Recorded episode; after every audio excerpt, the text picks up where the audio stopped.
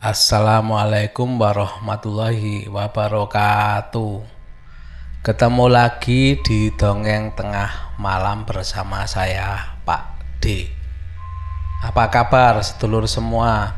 Semoga semuanya dalam keadaan sehat walafiat, tidak kekurangan suatu apa pun dan selalu dilindungi Allah Allah Subhanahu wa taala. Amin. Kali ini saya akan membawakan kiriman cerita dari Mbak Farida. Beliau ini menceritakan tentang keadaan di rumahnya, kejadian-kejadian yang ada di rumahnya. Walaupun rumah itu sebenarnya sudah lama ditempati sama Mbak Farida ini. Oke, langsung saja ke ceritanya. Tapi sebelumnya eh, saya ingatkan lagi ya yang belum subscribe Jangan lupa subscribe dulu, eh, klik tombol like dan juga komentar-komentarnya. Saya tunggu komentarnya ya. Dan untuk yang di Spotify jangan lupa follow supaya bisa mengikuti cerita dari dongeng tengah malam. Mbak Farida ini mau berbagi atau share beberapa kejadian aneh yang ada di rumahnya Padahal Mbak Farida itu sudah menempati rumah ini sekitar sudah 18 tahunan, sudah ada segitu lamanya. Di perumahan yang terletak di Bukit Kota Malang. Awal pindah ke rumah itu sih eh, biasa saja katanya Mbak Farida. Cuma kadang terasa sepi di dalam rumah itu. Terasa beda gitu loh auranya. Kalaupun Mbak Farida melihat yang aneh-aneh, beliau pikir itu hanya halusinasinya semata. Jadi nggak bermasih positif thinking ya Mbak Farida ini. Nggak berpikir bahwa itu sesuatu yang aneh atau sesuatu godaan. Bukan godaan ya, gangguan lebih tepatnya ya. Ya itulah kekuatan positif thinking ya.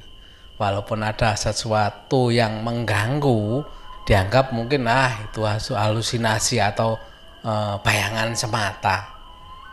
Sempat juga para tetangga atau ibu-ibu itu e, bertanya sama Mbak Farida ini, kok milih rumah itu?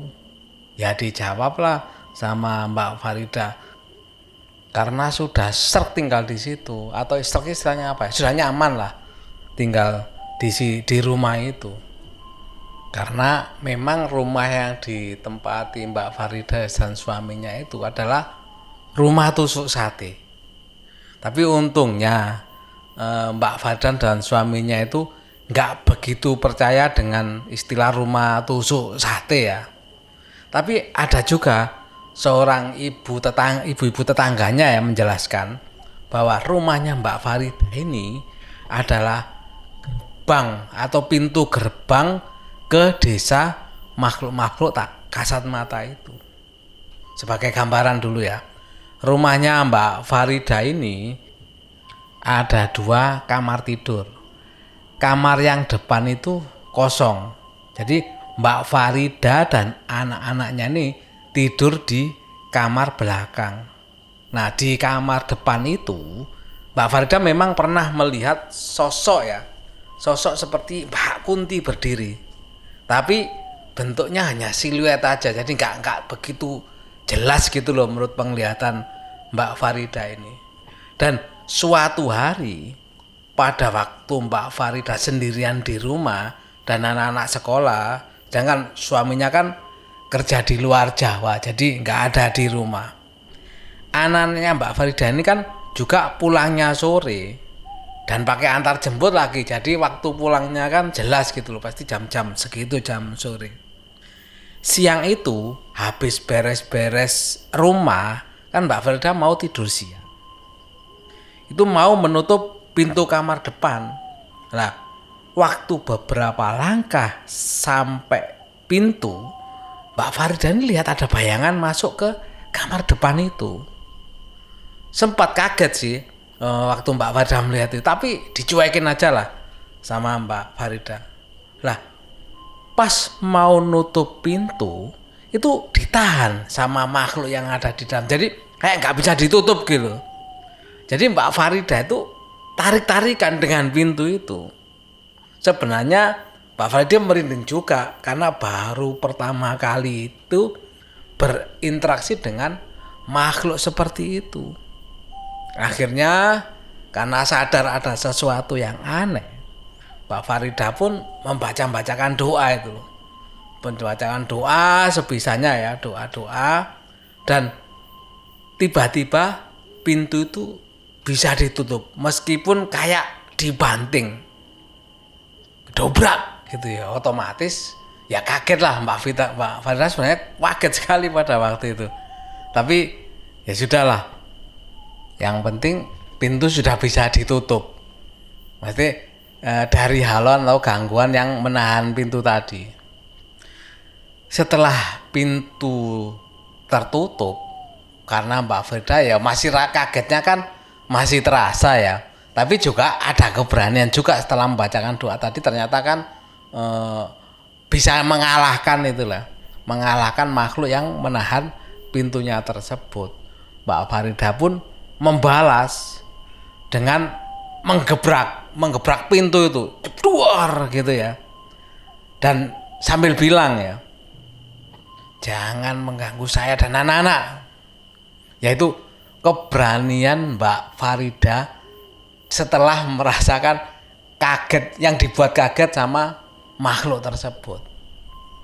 Walaupun bisa dikatakan bahwa kejadian ini baru pertama kali dialami sama Mbak Farida atau berinteraksi dengan eh, Mbak Kunti. Anggaplah Kunti ya karena yang dilihat eh, secara di depan eh, Mbak Farida kan melihat seperti Mbak Kunti ya siluet seperti Mbak Kunti anggaplah itu Mbak Kunti menurut Mbak Farida ini dan kejadian pertama itu itu adalah sekitar beberapa bulan setelah Mbak Farida menempati rumah tersebut makanya nggak salah kenapa tetangga-tangga kok banyak menanyakan kok memilih e, rumah di situ memilih rumah itu Bahkan ada yang menyampaikan bahwa itu ada pintu gerbang menuju ke eh, makhluk-makhluk uh, yang tidak kasat mata. Tapi Mbak Farida nggak gentar karena memang itu sudah menjadi rumahnya. Menjadi rumah yang ditempati Mbak Farida sama keluarganya. Masa kalah sama mereka mungkin seperti itu ya batin Mbak Farida. Nggak berhenti di situ aja gangguan. Masih ada kejadian lagi. Jadi ini adalah kejadian kedua yang diceritakan Mbak Farida lagi. Jadi kejadiannya hampir sama. Mbak Farida setelah beres-beres rumah itu rumahnya kan sepi karena anaknya kan anak-anak kan sekolah pulangnya kan sore waktu itu Mbak Farida jalan dari dapur itu mau ke teras Nah pada waktu jalan itu tiba-tiba Mbak Farida merasakan seperti menabrak sesuatu. Dan itu digambarkan sama Mbak Farida yang ditabrak itu mestinya itu Mbak Kunti. Karena apa? Pada waktu terjadi tabrakan, padahal di situ nggak ada siapa-siapa loh. Di rumah itu Mbak Farida kan tinggal sendirian kan anak sekolah, suaminya kan nggak ada di rumah kerja di luar Jawa. Mbak Farida pada waktu dia merasa ditabrak itu, itu Mbak Farida merasakan bahwa Mbak Farida itu seperti menabrak rambut. Jadi merasakan ada rambut yang panjang ya, kemepir, kemepir bahasa oh terure. Panjang terure seperti iklan Dianu ya, iklan sampo apa itu kan terure seperti itu. Jadi Mbak Farida merasakan ada rambut melewatinya. Yang itu dirasakan benar-benar dirasakan sama Mbak Farida. Begitu merasakan itu, sempat sih Mbak Farida itu terdiam, terpaku. Istilahnya orang Jawa itu ketenggengen. Karena apa? Di rumah itu nggak ada siapa-siapa kok Mbak Farida merasakan ada e, rambut yang melewati dirinya setelah sadar dari tertegun atau ketenggengan tadi Mbak Farida juga sempat mikir apa itu tadi apa bener memang makhluk kunti itu yang menabrak dirinya tapi ya udah Mbak Farida cuma uh, dicuekan aja lah. Dan bersikap seperti tidak ada apa-apa. Karena memang di situ nggak ada siapa-siapa. Ya itu tadi uh, singkat tapi padat dengan kejadian yang diceritakan sama Mbak Farida tadi ya.